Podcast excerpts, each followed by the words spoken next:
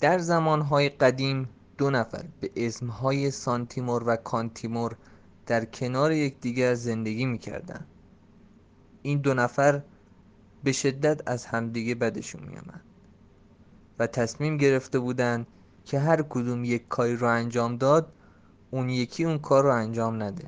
مثلا اگر یک نفر قضای حاجت می‌کرد نفر دیگر قضای حاجتش رو نمی‌کرد. همینطور زندگیشون پیش رفت اما زندگی نکردن. فلسفه زندگی آنها شده بود روزهای هفته. به چه منوال روزهای هفته؟ آنها یک روز از روزهای هفته رو برای خودشون آزاد انتخاب کرده بودند که مثل هم رفتار کنند. و آن روز سهشنبه بود. که باید بگیم لعنت خدا به این سهشنبه ها. در مورد روزهای دیگه هفتم خب دیگه همون کارا رو می‌کردن و زندگی نمی‌کردن و زندگیشون سخت شده بود. سانتیمور و کانتیمور که به زندگی کسل کننده و نکبتباری رسیده بودند تصمیم می‌گیرن که روند کاریشون رو عوض کنن. یعنی از اونجا به بعد تصمیم گرفتن که همه روزهای هفته مثل هم رفتار کنن به جز یک روز. و اون روز چه روزی بود؟ سه شنبه. اینجوری از اینجا به بعد پیش میره که هر روز هفته اینا هر کاری که می‌کنن رو دوتایی با هم انجام میدن. دوتایی با هم غذای حاجت می‌کنن دوتایی با هم غذا می‌خورن دوتایی با هم شکار می‌کنن و الی آخر. به جز سه شنبه ها سه شنبه ها روز جنگشون بود. روزی بود که مثل گذشته به جون هم میافتادن و ضد همدیگه کار می‌کردن. و خیلی براشون جذاب و متنوع شده بود. یک روز تصمیم می‌گیرن که به سفر طولانی برن و کسب تجربه کنن و برگردن پیش هم. سانتیمور به سمت غرب میره و کانتیمور به سمت شرق. اینا هر کدومشون به یه قبیله می‌رسن. به قبیله از آدمهای اولیه که هیچ چیز نمی‌دونستن. اینها هر کدومشون رئیس قبیله خودشون میشن رئیس قبیله که پیدا می‌کنن میشن و شروع می‌کنن توی اون قبیله قانون وضع کردن. روزها از پس هم رفت و بعد از مدتی غرور جوانی به سانتیمور فشار آورد. و سانتیمور تصمیم گرفت تا برای حل این فشار روزی از روزهای هفته را به عنوان روز آزادی زنان اعلام کند تا در آن روز زنان همه چی را بکنند و بلکه سانتیمور در این میاد فیزی ببرد. او چهارشنبه را برای این اتفاق انتخاب کرد. در این میان شخص ثالثی در داستان ماست به نام حبه بالتیمور که برادر خواهرزن شوهر کانتیمور بود. حبه بالتیمور پس از شنیدن این دستور از طرف سانتیمور دوان دوان به سمت شهر رفت تا خبر را به کانتیمور برساند. کانتیمور که در روز سهشنبه این خبر را از حبه بالتیمور دریافت کرد ناگهان گویی که در او فشفشه ای نهادند. و افزود امروز سهشنبه است و من باید خلاف سانتیمور عمل کنم. فلزا چهارشنبه هایی را در نظر گرفت که در آن روزها زنها مجبور بودند با یک چشم دنیا را نگاه کنند. چرا؟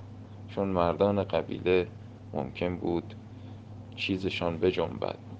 سر و گوششان منظورم است. بله.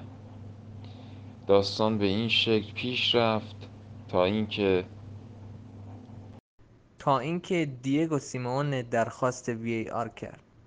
گلی که سانتیمور زده بود گلی زیبا بود و بسیاری از تماشاگران را به وجد آورده بود. اما این قیچی برگردان باعث شده بود به طور کامل لج کانتیمور در بیاید. به همین علت با چشمکی به حبه بالتیمور پیغام داد که داوران را بخرد. داوران در دم خریده شدند. آنها خوب می‌دانستند در این مواقع باید به حبه بالتیمورها گوش بکنند بازی زیباتر شده بود یا زشتتر؟ همه می‌گفتند که VAR بازی ها را زیباتر کرده است. آیا این گونه بود؟ برای پیدا کردن جواب این سوال دو تن از اسطوره های قبیله سانتیمور و کانتیمور به نام های فیروز کریمی و اریک کنتانا با هم معمور شدند که کمیته تشکیل بدن برای بررسی صحت عملکرد VAR که اسمشو گذاشتن VAR VAR یا به اصطلاح دبل VAR که بعدا اون ویش افتاد و شد دبل یار طی بررسی هایی که کمیته دبل یار داشت به این نتیجه رسیدن که کانتیمور داورها رو خریده و نتایج رو به نفع خودش عوض کرده. اینجا بود که با اعلام نتایج مردم قبیله کانتیمور عصبانی شدن و با شعارهای کانتیمور حیا کن سانتیمور رو رها کن و کانتیمور یادت باشه سانتیمور باید باشه و توپ تانک فشفشه کانتیمور بوق از خجالتش در آمدند. کانتیمور که فشار شیر سماور را دیگر در نزدیکی های قلب خود حس می کرد تصمیم گرفت تا پیشنهاد خود را عوض کند. پیشنهاد جدید او چهارشنبه های قهوه‌ای بود.